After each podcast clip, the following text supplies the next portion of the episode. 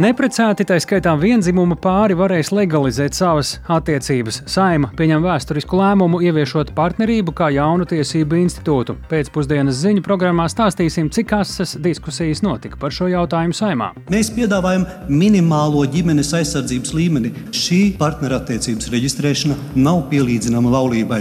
Šeit nepastāv laulāto-mantiskās attiecības ar mantošanas tiesībām. Satversmes tiesa lemj, ka Rīgas un Vēncpils ostu reforma atbilst satversmē, bet kas notiks tālāk? To vaicāsim satiksmes ministram. Bet Spānijā veidos valdību ar Katalonijas separātistu atbalstu. Par to visu plašāk raidījumā pēcpusdienā kopā ar mani Tāli Eipuru.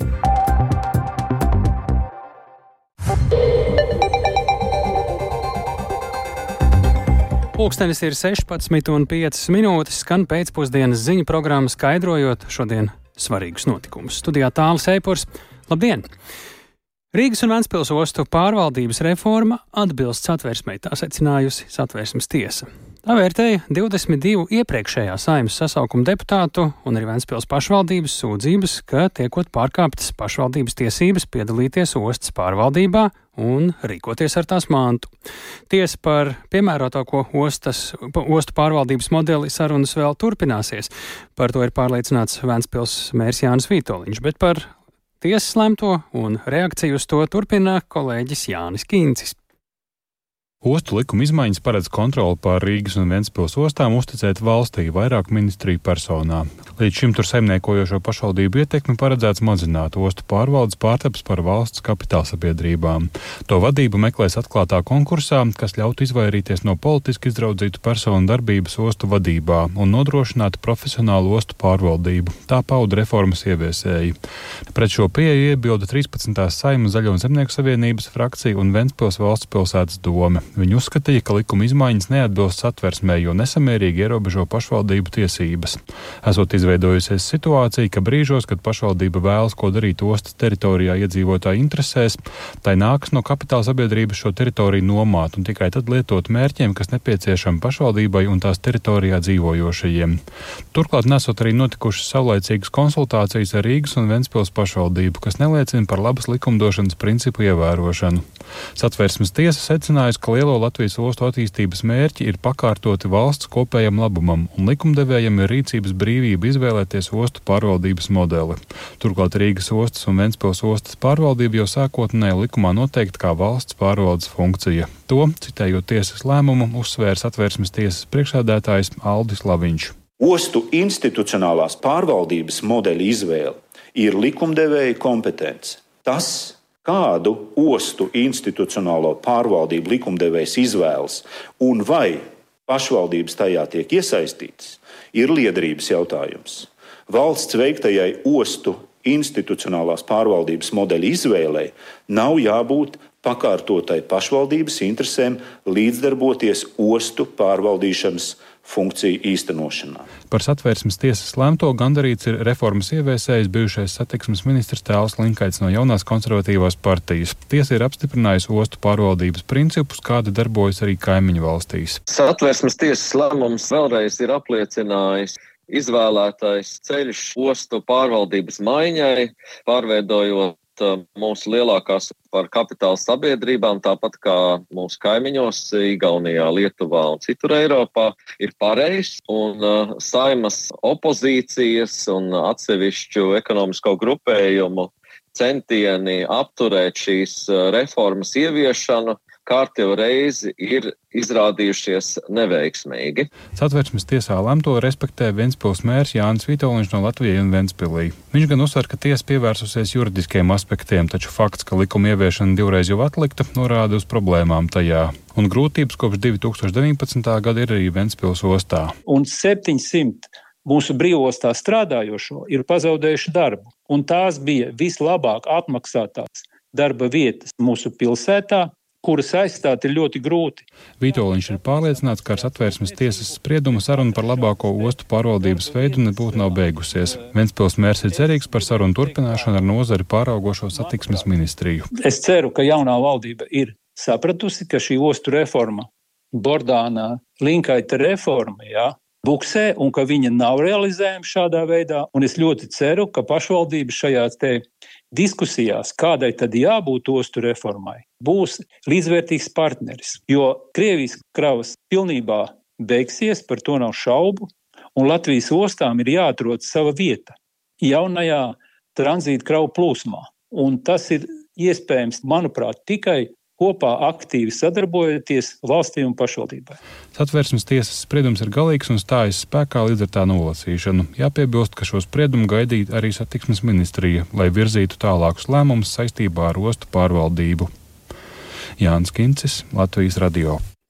Šobrīd pie raidījuma pēcpusdiena klausulis satiksmes ministrs Kaspars Briškens no progresīvajiem. Labdien! Sveicināti. Tieši uz jūsu ministriju arī gulstas eh, lielties tas, kā tālāk varētu virzīties eh, ostu reforma, ja to tā uz priekšu varēs saukt. Esat jau izteicies, ka vēl tikai visa izsvēršana un lēmumi ir priekšā, un vēl pirms dažām dienām neko konkrētu par tuvāko nākotni nevarējāt pateikt. Vai satvērsmes tiesas spriedums iezīmē konkrētāku ceļu pārmaiņām ostu pārvaldībā, vai tāpat teiksiet, ka vēl jāpadomā? Nu, Satversmes tiesas uh, lēmums, uh, manuprāt, ir pozitīvs. Tas noteikti uh, iezīmē to, ka valstī ir brīvība izvēlēties ostu pārvaldības modeli, un vienlaikus tas iezīmē to, ka ostas mērķi nu, tomēr ir jāpakārto valsts kopējam labumam. Tas, protams, arī nozīmē, ka reforma būs. Jautājums ir, kādā veidā. Es uzskatu, ka šis ir tas brīdis, ņemot vērā, ka ir būtisks pārmaiņas arī vispār ostu biznesā, arī lomā, kādu Latvija līdz šim ir spēlējusi šajā ilgtermiņa atkarībā no Krievijas kravām, lai mēs pārskatītu vienlaikus arī ostu biznesa modeli, ostu lomu teiksim, tādā plašākā loģistikas struktūrā. Es vēlos redzēt arī daudz ciešāku sadarbību starp ostām un savstarpēju papildinātību, nevis eh, nu, dažkārt tādu eh, nepārlieku efektīvu savstarpēju konkurenci. Es vēlos noteikti no ostām redzēt arī proaktivitāti, gan jaunu kravu piesaistē, jaunu rūpniecības attīstības uh, iespēju identificēšanu, enerģētikas sektora attīstību un plus, protams, viss, kas ir saistīts ar labu pārvaldību. Ostas pārvaldība ir jādepolitizē Ostā ir jāstrādā profesionāļiem, jārada uh, iespējas arī ostā strādājošiem uzņēmumiem, stividoriem, ražojošiem uzņēmumiem attīstīties. Un tāpēc tas, ko mēs darīsim līdz gada beigām, uh, mēs uh, iesniegsim savu konceptuālo redzējumu no satiksmes ministrijas puses valdībā par jau plašāku nozares reformu, kur, protams, mēs ietversim arī šo ostu komponentu. Un nav ne mazāko šaubu, ka pašreizējais nu, status quo, kas nav iedevis atbildes tam, kā ostas attīstīsies šajā jaunajā uh, laikmetā, viņš nevar saglabāties. Tāpēc mēs noteikti no savas puses nāksim ar pilnvērtīgāku reformu nekā līdzšinējā reforma, kas fokusējās tikai varbūt, uz šo institucionālo formu, uz pārveidu par kapitāla sabiedrībām. Nekas no tā nav izslēgts, bet mēs noteikti skatīsim uh, daudz plašāk un piedāvāsim valdībā visaptverošu redzējumu. Tad šeit mēs pareizi sadzirdējām, ka politiskiem spēkiem pietuvinātiem cilvēkiem ostu pārvaldībā nav eh, jāiejaucas arī eh, tajā versijā, kur jūs redzētu kā īstenojumu? Nu, es domāju, ka šis ir saimniecisks eh, jautājums. Šis ir jautājums par attīstību, par to, kādu lomu Latvijas ostas spēlēs arī tādā nākotnē, nākotnes starptautiskā darba dalīšanā. Mēs redzam, ka daudzas ostas ir bijušas sekmīgākas šajā jaunajā laikmetā, tā skaitā mūsu kaimiņi eh, Klaipēdā un Tallinā, nemaz nerunājot par Hamburgas ostu, Rotterdamas ostu vai pat eh, Poļu eh, Baltijas jūras ostām. Es šeit noteikti gribētu redzēt vairāk profesionālu redzējumu par to, kā mēs varam ostas attīstīt, Jā. un mazāk varbūt teiksim, administratīvi politiskas ietekmes. Vai redzat, ka ir jāpaliek tam mērķim, ka ostas ir jāpārveido par par kapitāla sabiedrībām, kā to savulaik uh, vēlējās un redzēja, un ir arī šobrīd nobalsots no JKP politiķiem, vai tomēr šis varētu nepiepildīties? Es noteikti neizslēdzu arī šādu scenāriju, bet vēlreiz man teiksim, šī pārvaldības forma ir svarīgs, bet sekundārs apsvērums. Vispirms ir jāpaskatās kopumā, kā mums uh, transporta sistēma. Tad varētu arī palikt šāda līdzinējā pārvaldības forma, jūs to neizslēdzat pagaidām. Ja? Bet, bet iespējams, ka atsevišķas funkcijas mēs tomēr vēlamies skatīt nozares līmenī, jo ostu darbība ir cieši saistīta ar dzelzceļa darbību, ar auto infrastruktūru, arī ar digitālo infrastruktūru. Mēs vēlamies transporta sistēmu plānot koordinētā veidā nevis atsevišķās izolētās salās, ostās, dzelzceļā vai, vai autoceļos. Un tāpēc vajag šo valsts eh, teikšanu par ostām. Kā jūs eh, šobrīd varētu noņemt to eh, aizdomēnu, kur jebkurā gadījumā velks līdz šai valdībai par to, ka līdz šim līdz šajā virzienā notēmētā ostu reforma var neīstenoties valstī pārāk labvēlīgā veidā, tāpēc, ka valdībā ir ar, ar Lembergu vēsturiski saistītā ZZS, jo viņi bija arī viena no tiem, kuri satvērsmes tiesā tieši bija sūdzējušies par to, kādā virzienā gāja līdz, šine, līdz šim iecerētā reforma? Es vēlos noliegt jebkādas, nu, kategoriski noliegt jebkādas uh, iespējas un runas par to, ka šeit būtu šāda veida politiskas ietekmes. Es uz šo skatos, es esmu nozarē strādājis vairāk nekā desmit gadus.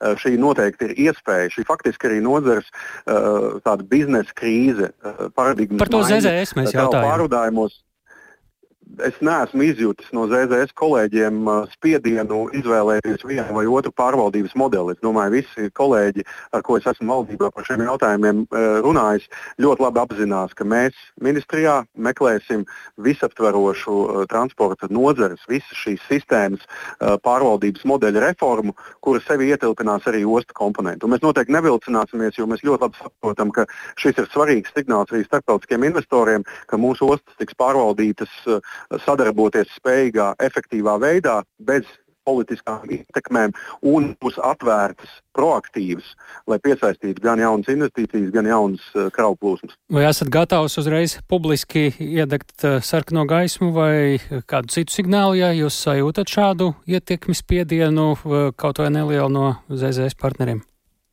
Viennozīmīgi. Es domāju, ka kolēģi koalīcijā mēs strādājam kā komanda. Visi ir vērsti uz to, lai mēs eh, pēc iespējas efektīvāk izmantotu mūsu eh, strateģisko infrastruktūru. Tā skaitā ostas, tur ir ļoti nozīmīga arī drošības dimensija. Eh, ostās visi ļoti labi saprot, cik svarīgi ir, lai mūsu ostas varētu sekmīgi attīstīties, nodrošināt arī nu, teiksim, labu integrāciju mūsu aizsardzības vajadzībām.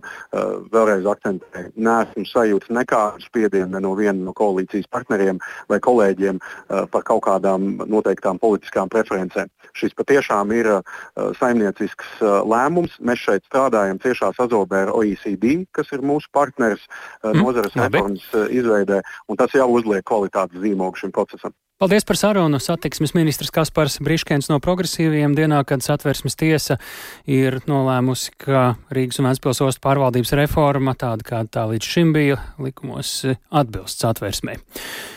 Bet pēc gadiem ilgām diskusijām vēsturisks lēmums šodien pieņemts saimā, paredzot ieviest partnerības institūtu. Lēmumu pieņemšanai samā šodien līdz sekoja kolēģi Agnija Lāsdiņa, un viņa šobrīd arī mūs pievienojas studijā, lai pastāstītu par tur izskanējušo un atgādinātu arī par partnerības būtību. Ar to arī tad sāksim, Agnija. Sveiki, atgādini lūdzu, kas tad ir šis tagad jaunpieņemtais partnerības institūts un ko tas paredz. Labdien! Partnerību varēs noslēgt divas pilngadīgās personas, ierodoties pie notāra, notāra un apliecinot, ka tām ir tuvas personiskas attiecības, kopīga saimniecība un nolūks rūpēties par to, kā arī gādāt un atbalstīt vienai otru.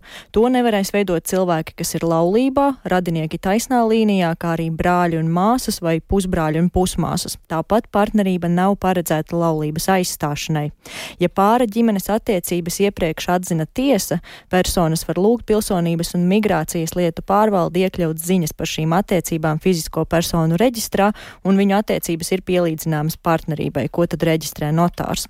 Un partnerība var izbeigties ar personas nāvi, ar vienas vai abu personas laulību, ar, per, ar abu personu gribas izteikumu notāram vai arī ar tiesas spriedumu. Un eh, saimas sēdē balsojumi par astoņiem likumu grozījumiem liecina, ka pret tiem bija aptuveni 35 līdz 40 deputāti, jeb visi opozīcijā esošie spēki. Un eh, šo likumu paketi saima pieņēma trīs gadus pēc satversmes tiesas sprieduma, ar kuru uzsvērts valsts pienākums aizsargāt arī vienzimuma partneru ģimenes. Tiesa LGBT kopiena un arī advokāti jau iepriekš ir pauduši, ka partnerattiecību regulējums nerisina visas problēmas, piemēram, tas neskar mantiskās attiecības vai bērnu bērnu tiesības, tāpēc vienzimuma pāri turpinās tiesāties. Taču saimas sēdē šodien diskusijas bija spraigas un garas, daudzas no tām izvērtās tieši par partnerības saistību ar laulību. Atgādinu, ka partnerība nav paredzēta laulības aizstāšanai, ko uzsvēra arī saimas deputāts Gunārs Kūtris no Zaļo un Zemnieku savienības. Cilvēki, kas visu laiku no tribīnes saka, ka mums nevajag vienzimumu laulību, ka mums vajag kaut ko citu atrast, lai tās faktiskās ģimenes, kas pastāv, ka viņas vajadzētu kaut kā noreģistrēt, bet neko citu nepiedāvā. Viņi vienkārši mēģina to argumentēt ar to, ka, ziniet, visu, ko jūs piedāvāsiet, tā būs laulība. Un tad, kad mēs sakām, šis jēdziens aizsargā pēc būtības faktiski pastāvošās ģimenes, tikai valstī vajag nofiksēt, kuras tās ir, un mēs piedāvājam minimālo ģimenes aizsardzības līmeni šī partnerattiecības reģistrēšana nav pielīdzināma laulībai. Šeit nepastāv laulāto mantiskās attiecības ar mantošanas tiesībām. Savukārt opozīcija vairāk kārt uzsvēra, ka partnerība tomēr esot kā laulības plaģijāts vai laulības klons, tāpēc tas ir iesot mēģinājums apiet satversmes 110. pantu, proti, ka laulība ir savienības starp vīrieti un sievieti. Tāpat opozīcija norādīja, ka partnerības regulējums ir tieši par vienzimumu attiecību legalizāciju. Deputāts Edvards Smiltēns no apvienotā saraksta norādīja, ka regulējums nevis mudinās stiprināt laulību, bet ļaus, citēju, bezatbildīgiem vīriešiem, kuriem nav dušas apprecēt pēc sievietes, ar kurām viņi dzīvo, izvēlēties šo laulības vieglo versiju. Tiek veidots otrs paralēls institūts, kas tiesību un pienākumu apjomā radikāli atšķiras no laulības institūta. Un par spīti tam, ka visticamāk attiecībās starp vīrieti un sievieti, sieviete gribētu baudīt drošības un pārliecības sajūtu attiecībās, tiek radīta šāda kartona kaste, kā piedāvājums formāli reģistrēt attiecības. Un visbeidzot, ja šis priekšlikums nosaka to, ka partnerība nav pielīdzināma laulībai, tad varētu teikt, ka šī partnerība ir pielīdzināma progresīvo zemnieku vienotības savienībai. Savukārt deputāta Linda Liepņa no Latvijas pirmajā vietā partnerību sauca par Frankensteinu. Lūdzu, nedomājiet, ka tur ārā ir cilvēki, ka Latvijas laukos un pilsētās ir cilvēki, kas nesaprot, par ko ir šis balsojums. Cilvēki nav idioti, un jūs jau varat izlikties. Jautājums, cik ilgi? Un vai tiešām jūs domājat, ka Latvijas tauta to aizmirsīs? Vai tiešām jūs domājat, ka šis balsojums nebūs viens no tiem, kuru jūs nožēlosiet agrāk vai vēlāk. Jāpiebilst, ka vēl pirms visu likumu grozījumu izskatīšanas opozīcija paziņoja, ka aicinās prezidentu neizsludināt likumus, lai varētu vākt parakstus referenduma ierosināšanai. Tomēr, ja tas nenotiek, tad paredzēts, ka partnerattiecību likumu grozījumi stāsies spēkā 2024. gada 1. jūlijā. Jā, paldies Agnija Lazdiņai. Nu, tā tad arī redzam, tikko saņēmām ka opozīcijas um, politiskie spēki ir savākuši 34 saimnes deputātu parakstus, lai mēģinātu panākt referendumu rosināšanu par šodien saimā pieņemtiem grozījumiem notariāta likumā, kas tātad atbild par partnerattiecību institūtu ieviešanu. Par šādu ieceru ir parakstījušies apvienotā saraksta Latvija pirmajā vietā Nacionālās apvienības deputāti. Tā šobrīd arī jau varam redzēt, ka ir šie paraksti iesniegti valsts prezidentam Edgaram Rinkēvičam. Bet Rīgā septītā tramvaja līnijas pagarināšana varētu pabeigt pēc divar pusgadiem, cik tālu tā vedīs un cik tas maksās. Un valstu līderi Parīzē domā, kā piegādāt humāno palīdzību Gazai. Makrons aicina Izraēlu piekrist pamieram. Šie un citi temati raidījumi pēcpusdienā turpmākajās minūtēs. Nevajag.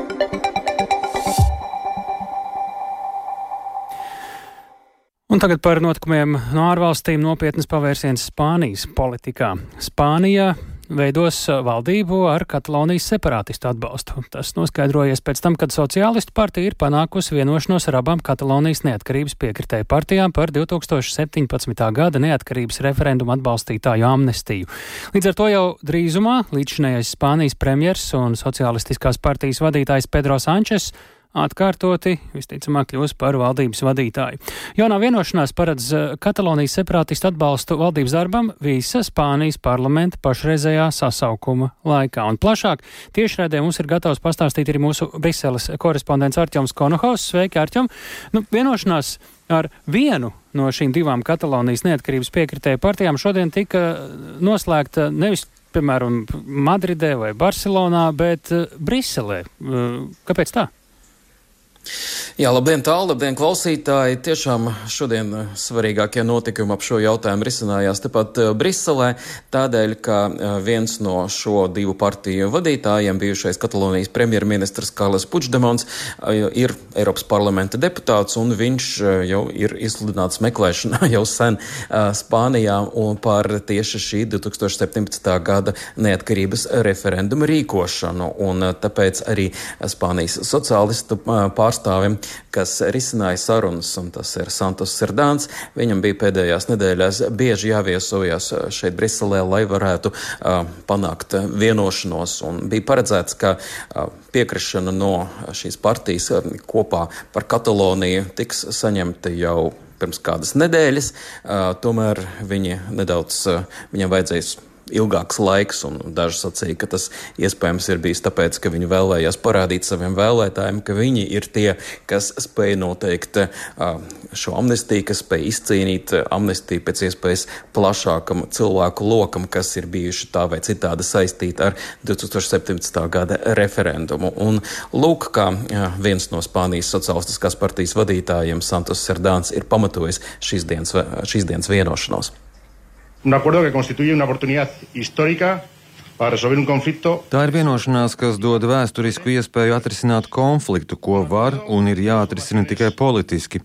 Tā ir vienošanās starp divām organizācijām, kam ir dziļas domstarpības, bet kas spēj atrast kopīgu valodu iedzīvotāju labklājības un problēmu pārvarēšanas vārdā.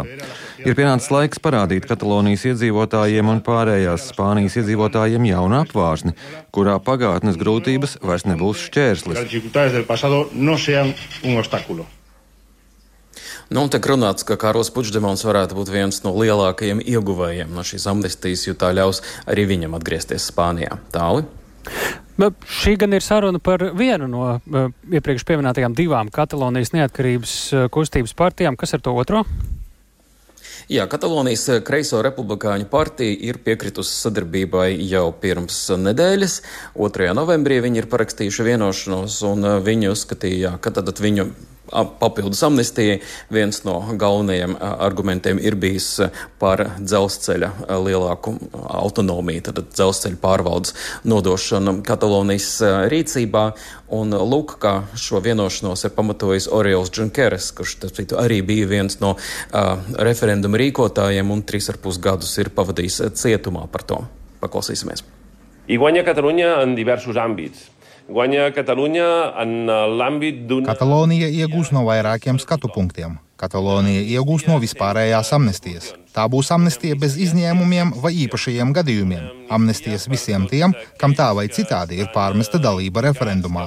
Turklāt Katalonija iegūs arī no politisko sarunu viedokļa, jo mēs būsim pie apaļā galda, kur notiek lēmumu pieņemšana un vienošanās. Tas ļaus mums pavirzīties uz priekšu ceļā uz to, lai mūsu valsts, Katalonijas liktenis, tiktu nodots tās pilsoņu rokās. en mans de la ciutadania.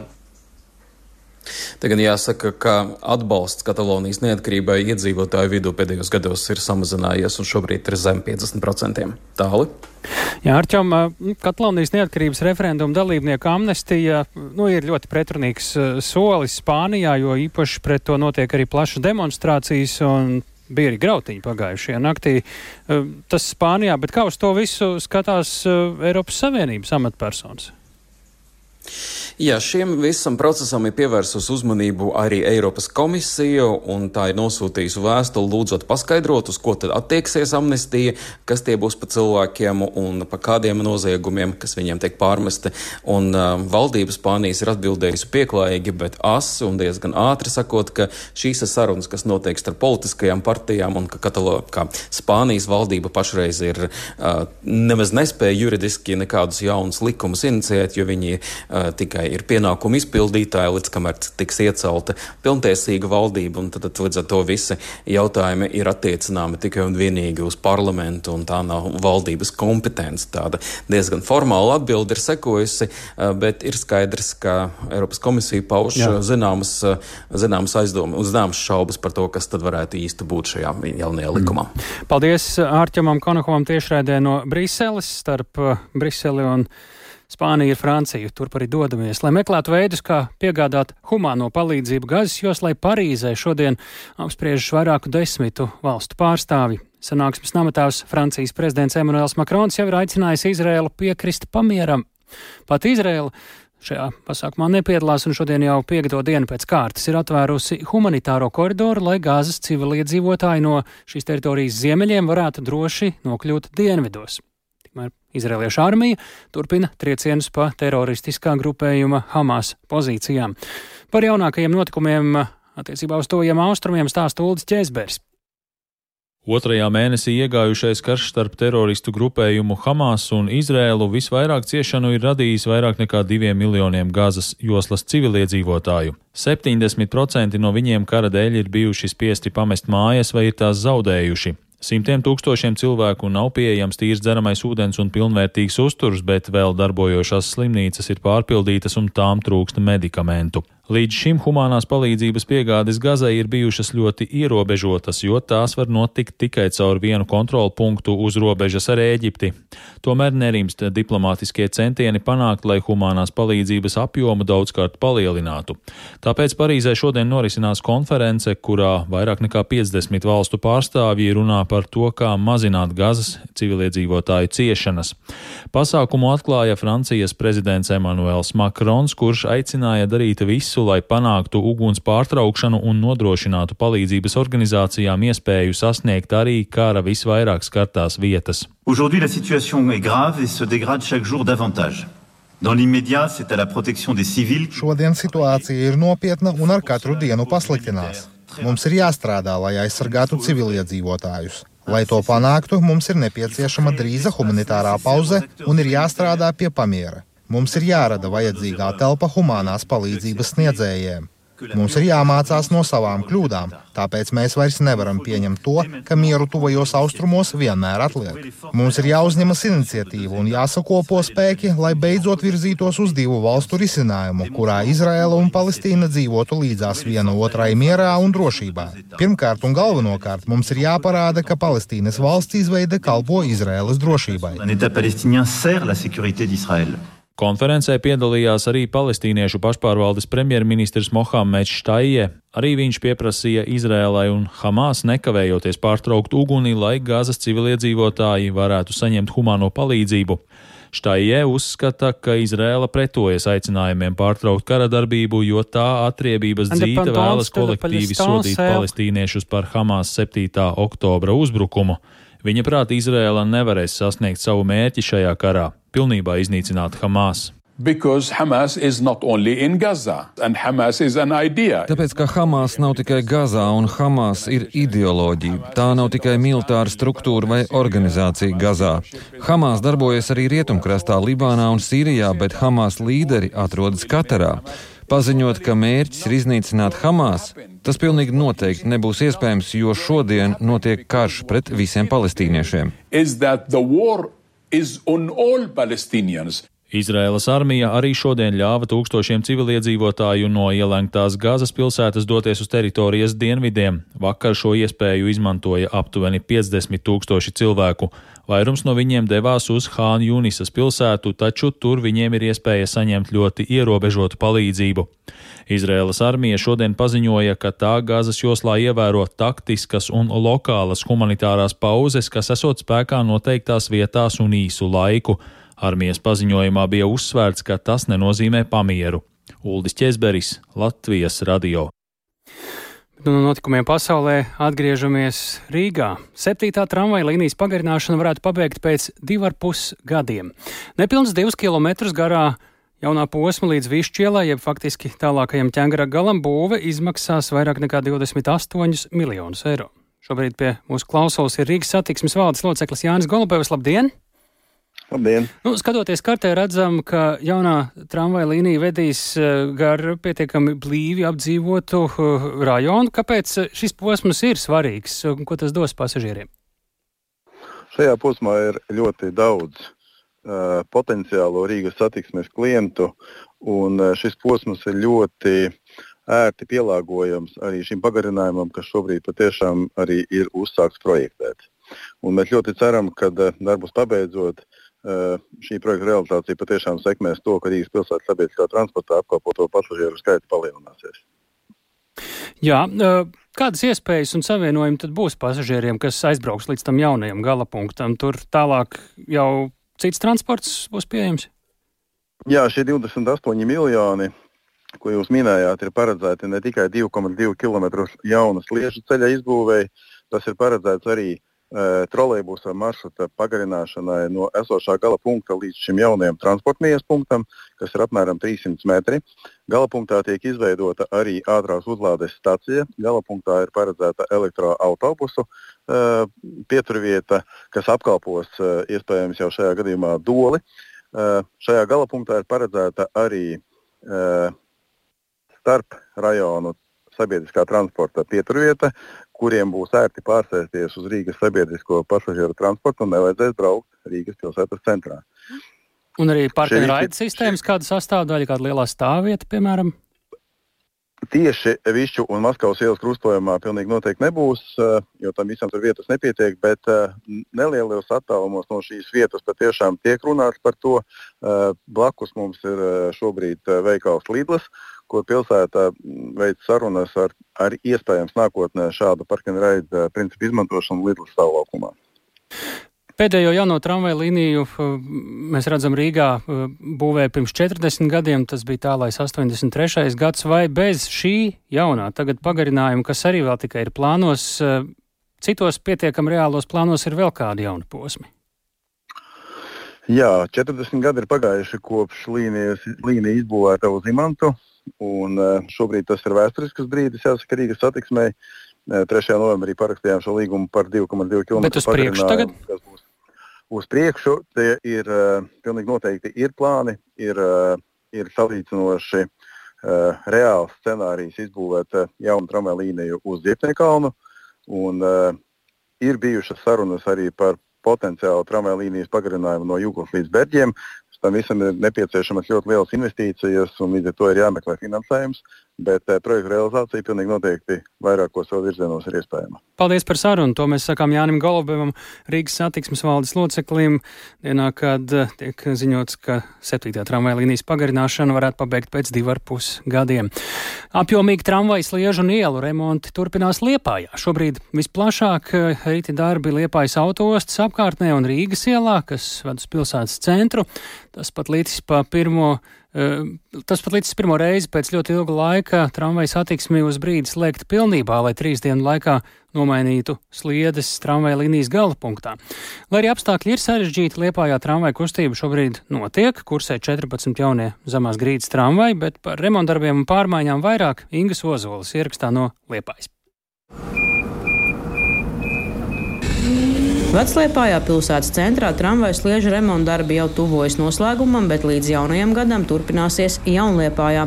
Iespaidīgi remonta darbi notiek vienā no Liepājas senajām bruģētajām ielām Rīgas ielā, kas ved no autoostas un stacijas uz pilsētu. Tā šobrīd satiksmei ir slēgta, jo iela ir pilnībā uzrakta un tur tiek mainīts tramvajas sliedes. Sijā Liepājas tramvajas valdes loceklis Egars Puks atceras, ka tik nopietni pārbūves darbi te vēl nav pieredzēti. Konkrēti šajā vietā ir apmēram 20 gadi nav bijuši vispār nekāda remonta darba. Bet pirms 20 gadiem jā, mēs esam šo to mainījuši. Jā, bet tik fundamentāli, protams, nekad te nav bijuši. Vienlaicīgi arī šī Rīgas ielas rekonstrukcija notiek. Jā? Arī iela tiek sakārtota. Jā, nu, lietas. Jā. Visi, jā, visi mūsu projekti faktiski ir saistīti ne tikai ar tramvajas liežu nomaiņu, bet arī ar visām komunikācijām, ceļu segumiem, trotoriem un tā tālāk. Aigars Puks stāsta, kas ir mainījies uzstādot jaunos sliežu ceļus pilsētā. Krustojumi tiek citādāk uzbūvēti. Tur ir tā tehnoloģija tāda, lai šķērsojot šīs sliežu ceļus mašīnām, lai tās slodzes sadalītos vienmērīgāk gan uz sliedēm, gan uz ceļu segumu. Otra jaunā lieta, kas līdz šim nav bijusi, tad koka gūšņu vietā parasti ir eh, šobrīd jaunajos projektos liekam betona gūšņus. Nu, tās sliedas jau nemainās. Sliedas ir kā bijušas arī pirms 20 gadiem. Vienīgā atšķirība tā, ka sliežu cietības pakāpe līknēs un pieturvietās arī tiek palielināta, lai attiecīgi nu, bremzējot un uzsākot braukt tramvaju, nenodeldē tās sliedas priekšlaicīgi. Tramvaja līnija pārbūves projekta kopējās izmaksas gan Jaunliepājā, gan Vecliepājā sasniegušas 15 miljonus eiro. 85% no tiem ir Eiropas Savienības kohēzijas fonda finansējums. Pašvaldība, lai šo savu līdzdalību samaksātu pie 15% vienā projektā un 11,75% citā projektā. Tā arī tā sarežģīta tā visa matemātika. Arī pašvaldībai jāņem eh, kredīts, lai varētu šo līdzfinansējumu sekt, jo tāda nauda, protams, miljoni eh, vienkārši budžetā nemētājas. Tikmēr pirmais tramvajs, kas Horvātijā tika speciāli uzbūvēts Liepājai, kalpo jau trešo gadu. 14 moderno tramvaju uzturēšana ikdienā nav vienkārša, jo katrs no tiem esot gluži vai dators, tāpēc joprojām Liepājā strādā tehniskie speciālisti no rūpnīcas. Tramvaju vagonu nomaiņai bija nepieciešami aptuveni 20 miljoni eiro. Ingozola Latvijas radio kurzmē. Bet Latvijas hokeja izlase šodien un rīt aizvadīs pirmās divas spēles pēc vēsturiskās bronzas medaļas izcīnīšanas pasaules čempionātā. Šodien un rīt hokeistiem divi pārbaudas mači pret Franciju. Ar šīm spēlēm būtībā tiek sākta gatavošanās jau nākamajam pasaules čempionātam. Un par izlases galvenajām aktualitātēm jau to daļu sarunāsimies arī ar kolēģi Māri Bergu. Sveiks, Māri! Tātad pārbaudas spēles tradicionāli, protams, ka ir īstā vieta, kur eksperimentēt, pamēģināt varbūt arī mazāk iespēlētus spēlētājus, vienu otru taktisku modeli. Ko tu redzi, Māri, kādā šajā turnīrā varētu būt Latvijas treneru kolektīva pieeja, plāni? Sveiks, tālāk, sveicināti klausītāji. Tu nosauc visu to, ko treneri tiešām vēlas darīt. Treneri šajā pauzē ir izvēlējušies nedaudz eksperimentēt, sastāvā iekļaujot septiņus šā gada pasaules čempionāta medaļniekus, taču galvenā doma ir izlasē redzēt hokeistus, kuri kaut kāda iemesla dēļ izlasē ir iepriekš bijuši mazāk. Tāpat ir arī vairāki jaunie, piemēram, Oskars Lapīnskis un Roberts Čunskis, kuri ikdienā spēlē Šveices augstākajā līgā, un beig beigās treneri arī vērtējuši, cik liederīgi vispār šobrīd šobrīd ir izraut hokeistus no klubiem un saukt uz izlasi tieši tagad, taču kopējais tāds plašāks plāns paredz, ka nākamajā izlašu pauzē decembrī gan jau tiks saukti visi līderi, kuri būs pieejami tāli. Jā, Māri, kuriem spēlētājiem tad būs vērts šoreiz tā pastiprināti pievērst uzmanību? Nu, pieredzējušos hokeistus, tādus kā Mārtiņš Dzirkals vai Kristiāns Rubīns, tos mēs jau pazīstam gana labi, bet noteikti šajā kategorijā, kuriem vērts vairāk pievērst uzmanību, minami jau iepriekš nosauktie jaunie hokeisti, man pašam personīgi tiešām interesanti, kā viņi izskatīsies izlasē, jo Lapinskis un Junskis spēlē Šveices augstākajā līgā, varbūt ne tās lielākās lomas, taču spēlēšana šajā līgā pats par sevi jau ir kvalitātes rādītājs. Tāpat šeit noteikti jāpiemina Edvards Stralmaks, viņš ar deviņiem vārtu gūmiem šobrīd šobrīd ir trešais labākais sniperis Čehijas augstākajā līgā. Traumaks spēlē Jaromiram Jāgram piederošajā Kladno komandā, un sarunā ar Latvijas radio viņš pastāstīja, kā tad ir būt vienā komandā ar hokeja leģendu. Klausāmies hokeistu Edvardu Traumaku. No pašas pirmās dienas viņš, viņš e, iet uz katru treniņu, visā formā saģērbies, dara visus tos pašus vingrinājumus, kurus mēs darām. Viņš nav tāds treneris, kurš vienkārši uzvelk tur cimdus un atnāk pasludot. Nu, viņš tomēr ir arī tāds, nu, varētu teikt, spēlējušies treneris, jo jebkurā laikā viņš var izdomāt, ka viņš, ka viņš ir gatavs spēlēt. Un, e, es domāju, ka nevar izslēgt iespēju, ka tas arī būs šosezon. Tāpēc, nu, protams, arī pēc treniņiem ir iespēja pie viņa palikt, eh, pamācīties kaut kādu viņa, viņa metienus vai, vai eh, ripas pieturēšanu. Nu jā, Jāramiram Jāgram arī 51 gada vecumā joprojām miera nav, un Jāgars tātad, kā dzirdējām, turpina aktīvi trenēties tāli. Turklāt vēl ir, ir arī ambīcijas. Um, tas par Jāramiru Jāgru, bet šoreiz divas Latvijas hokeja izlases pārbaudas spēles pret Franciju, vai šajā pauzē uh, nebija sarunāt iespējams arī vēl kādu pretinieku, citkārt mēdz būt lielāka dažādība. Nu, jā, nu patiesībā oriģinālais plāns Hokeja federācijai paredzēja turnīru, kurā bez Latvijas spēlētu arī Dānija, Norvēģija un Francija. Ar šīm valstīm Latvijas Hokeja federācijai izveidojusies laba sadarbība, un pēdējos gados visas šīs komandas regulāri aizvada pārbaudas spēles savā starpā, braucot viens pie otra. Norvēģi sākotnēji atteicās finansiālu iemeslu dēļ, arī Dāņi beig beigās izvēlējās spēlēt Vācijā, tad nu beig beig, tad nu sanāk vienkārši šoreiz jāspēlē ar Franciju tāli. Tas arī nav sliktākais variants. Vai hokeistiem pēc pasaules čempionāta bronzas medaļas nu, nedaudz tā kā nav izmaiņas apetītē un vēlmē spēlēt pārbaudas spēles, vai ledus vienmēr ir svaigs un apetīti arī? Treneri norāda, ka ar apetīti viss ir kārtībā un paši hokeisti vēlas doties uz izlasi, paši raujas uz izlasi, zvana treneriem un jautā, vai var atbraukt palīgā. Tas pats Rihards Bukārts iepriekšējā čempionātā Latvijas rezultatīvākais spēlētājs ļoti vēlējās pievienoties, taču treneri viņu pārliecināja palikt klubā un ieguldīt darbu sezonas turpinājumam. Galvenais treneris Harijs Vītoliņš sarunā ar žurnālistiem norāda, ka šobrīd Latvijas izlasē ir svarīgi noturēt uzstādīto latiņu tik augstu, cik tā ir uzlikta šobrīd. Klausāmies Hariju Vītoliņu. Jāsaprot, tomēr, ka mēs esam tēt, to latiņu saku, pacēluši, un, un attieksmē visam jābūt jau teiksim, tādā līmenī, kā tas bija pagājušajā gadā pirms pasaules čempionāta. Viņam nedrīkst mainīties, nedrīkst saprast to, ka tā ir, nu labi, mēs tādā atnācām vairāk, lai atbrauktu mājās, tad nedēļa pabūt nekā doma par spēlēšanu. Jābūt otrādi. Jā, jāsaprot, kur tu esi atbraucis un ka Latvijas izlases tas ir gods šeit spēlēt. Un, ja tu sev šeit neparādīsi, jā, tad otrs šāds varbūt tev vairāk nebūs. Jā, Latvijas-Francijas spēle šodien sāksies septiņos vakarā. Tāli. Paldies Mārim Bergam! Tik tālu raidījums pēcpusdienā. Tāls eipurs Lauris Zvejnieks, Krišāns Stikāns, sievietes zvejnieks bija tā veidotāji. Mēs eh, sakām, ka tiekamies atkal rīt pēc ziņām četros un piecās kā katru darba dienas pēcpusdienu.